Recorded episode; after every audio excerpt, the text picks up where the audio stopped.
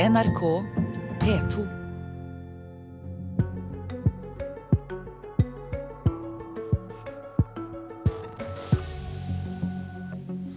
Den nye regjeringen er sitat, ytterliggående sekulær, sa KrF-leder Knut Arild Hareide etter utvidelsen. Men hva i alle dager betyr det, spør Venstres Sveinung Rotevatn, og han skal få svar i Politisk kvarter. Storbritannia snubler seg stadig nærmere brexit. Hva skjer med vår europapolitikk fremover, nå som vi har sluttet med statsråd for EU- og EØS-saker? Da sier vi god morgen og velkommen til Politisk kvarter med Espen Aas. Den utvidede trepartiregjeringen har som ventet fått mange karakteristikker i sin korte eksistens, men KrF-lederen valgte å skrive følgende på sin Facebook-side. Sitat. En av de tingene jeg reagerer mest på, er at den bærer preg av at Venstre har fått gjennomslag for en nokså ytterliggående sekulær tilnærming. Og det fikk deg, Sveinung Rotevatn, sentralstyremedlem i Venstre, og også ellers nyslått statssekretær i denne ytterliggående sekulære regjeringen, til å skrive kronikk i Morgenbladet og spørre hva han mente. Og Knut Arild Hareide, nå kan du forklare det til ham. Ja.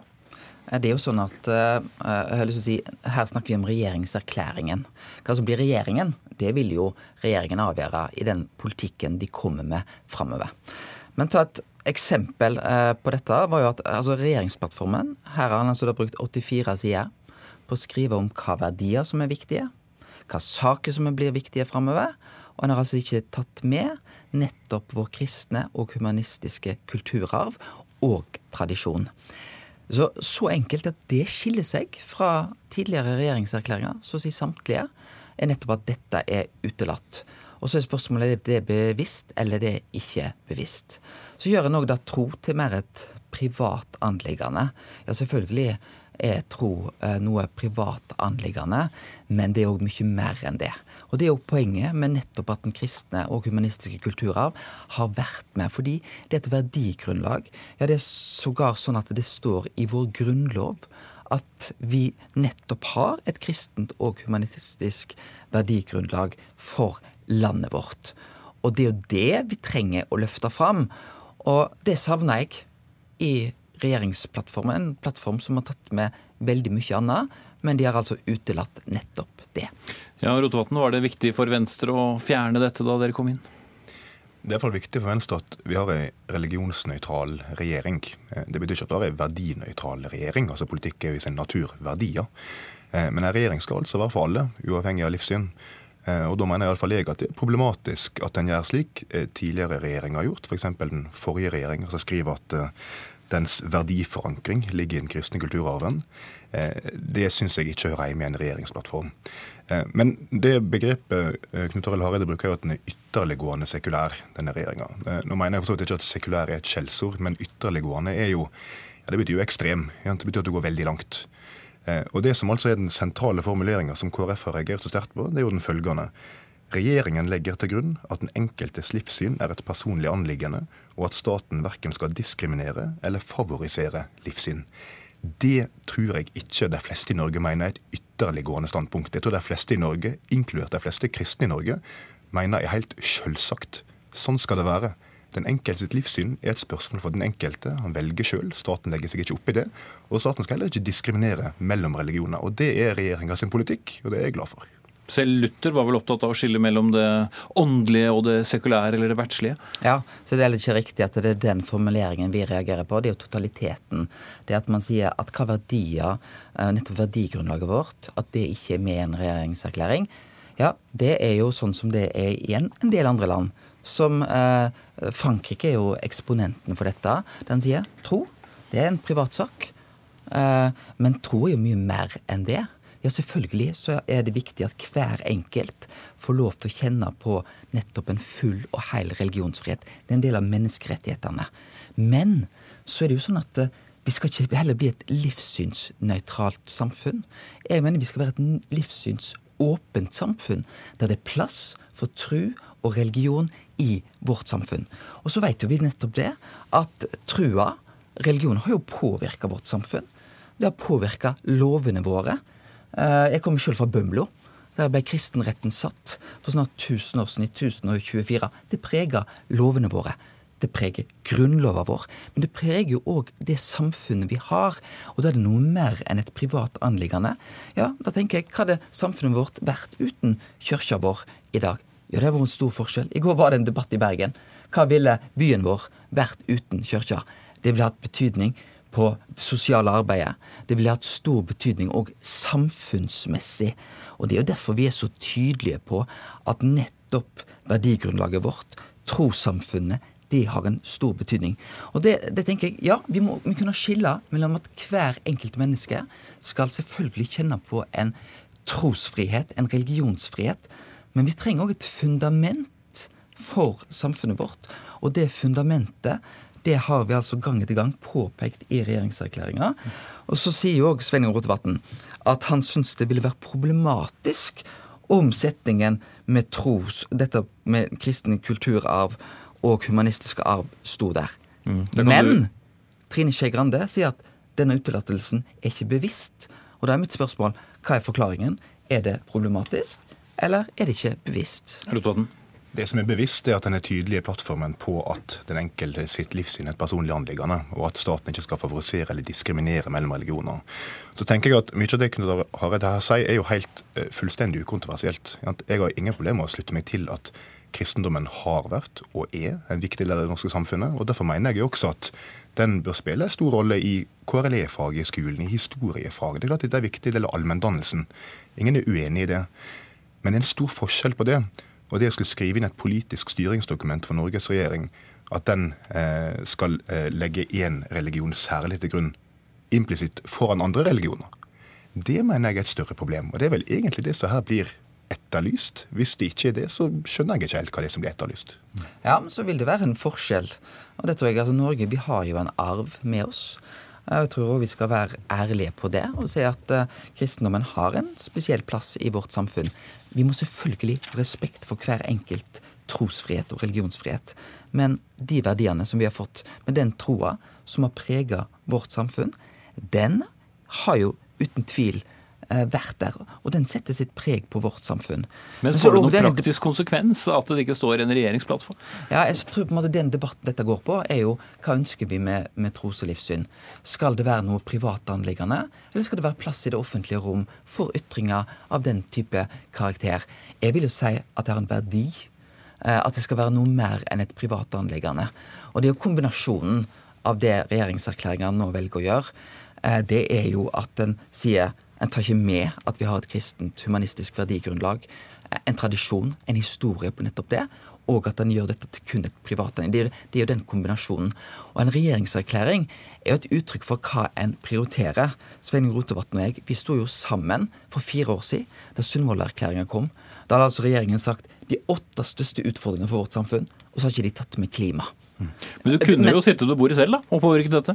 Ja, jeg har bare gjort en observasjon over hva regjeringserklæringa er, og at den regjeringserklæringa som nå kom, skiller seg fra så å si samtlige andre regjeringserklæringer.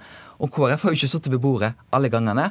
Men sjøl om KrF ikke har sittet ved bordet ved tidligere regjeringserklæringer, så har likevel dette vært en del av den. Og derfor så hadde jeg lyst til å påpeke det. Hva regjeringen vil gjøre på dette området, det vil hun vise gjennom politikken den kommer med. Veldig kort til slutt, Rototten. Det er mange dedikerte kristne i denne regjeringa. Både min eh, partisjef er det, og min departementssjef er det. Så jeg tror ikke Knut Arild Hareide trenger å være veldig bekymra. Det vil også fortsatt være rause ordninger for finansiering av livssynssamfunn og trossamfunn i Norge.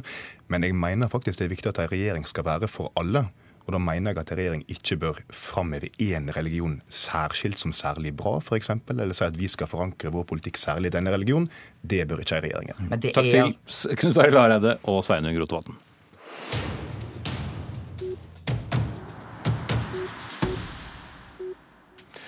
Ved midnatt 29.3.2019, eh, altså om et drøyt år, 429 dager for å være nøyaktig, endres EU eh, e for alltid. Da forsvinner Storbritannia ut, 28 land blir til 27. Og hva betyr det egentlig for Norge som storeksportør av gass og fisk til Storbritannia, og også til EU? Og hva blir konsekvensene av at vi ikke lenger har noen egen EU- og EØS-minister? Sigbjørn Gjelsvik, stortingsrepresentant for Senterpartiet, dere var jo imot hele denne ministeren. Er det nå glede over et riktig steg fra regjeringen? Ja, Det er det glede over. Men det viktigste er jo hva slags politikk en fører. Og jeg forventer jo at nå utenriksministeren, som er den som sitter med ansvar for europapolitikken, er tydelig i den prosessen som, som nå skjer, på at vi støtter britene. Jeg syns hun burde reise til, til, London og si at vi eh, heier på dere i forhandlingene. Det er viktig for oss at dere lykkes, og kanskje kan vi òg hente inspirasjon i den avtalen dere får med EU. Mm. Heidi Nordby Lunde, stortingsrepresentant for Høyre og for ordens skyld også leder av Europabevegelsen. Blir det lettere eller vanskeligere for oss å jobbe mot EU eh, e uten en egen minister? I all den tid Utenriksdepartementet nå har gjort en endring i porteføljen sin, hvor man har lagt ut bistandsporteføljen i en, i en, egen minister, så frigjør det jo tid til utenriksministeren å jobbe direkte mot EU. Eh, e og slik jeg kjenner henne som forsvarsminister, så har hun jo en god evne til å både åpne dører og følge de prosessene som er der. Mye annet hun skal gjøre òg, da? Eh, det er det, men EU er tross alt vår viktigste handelspartner. Og mye av de prosessene som foregår i EU, påvirker jo Norge Norge, uavhengig av om vi hadde vært fullt medlem eller EØS, eh, medlem av EØS, slik vi er i dag.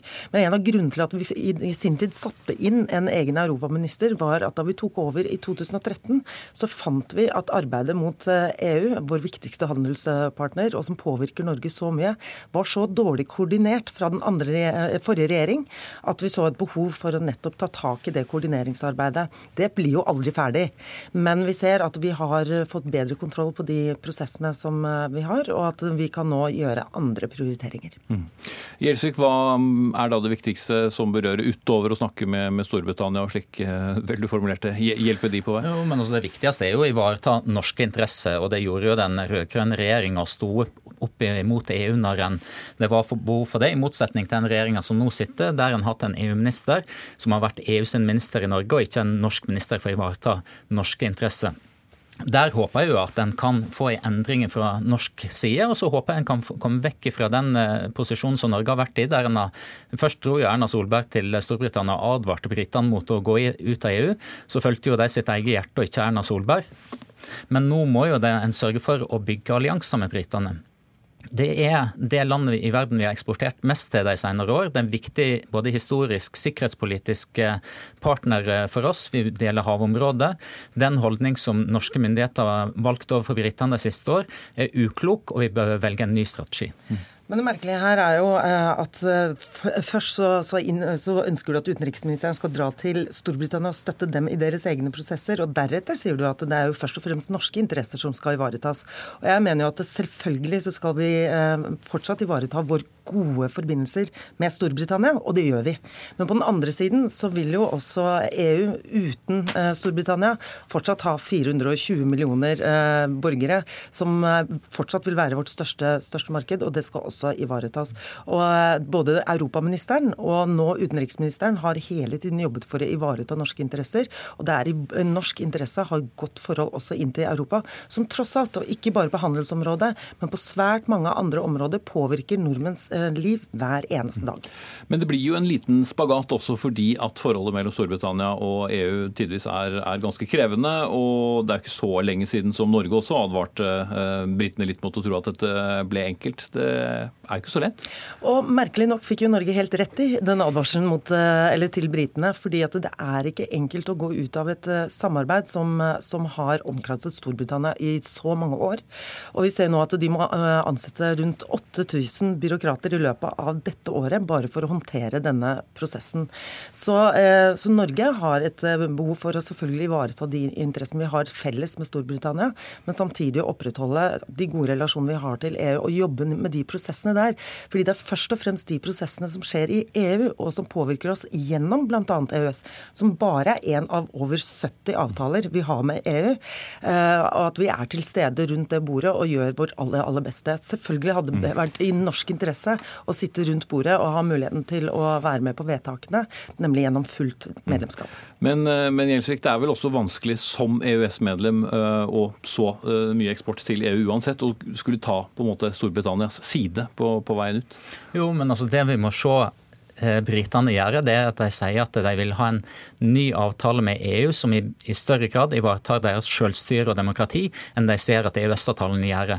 Det er jo noe som vi bør heie på, og som òg se at vi kan bidra til å styrke vårt demokrati i Norge. Istedenfor sånn som den regjeringa her gjør, å komme med stadig nye forslag til å underkaste Norge på nye områder, senest norsk energipolitikk. Vi må få en ny holdning, norsk interesse i fokus og norsk demokrati i fokus.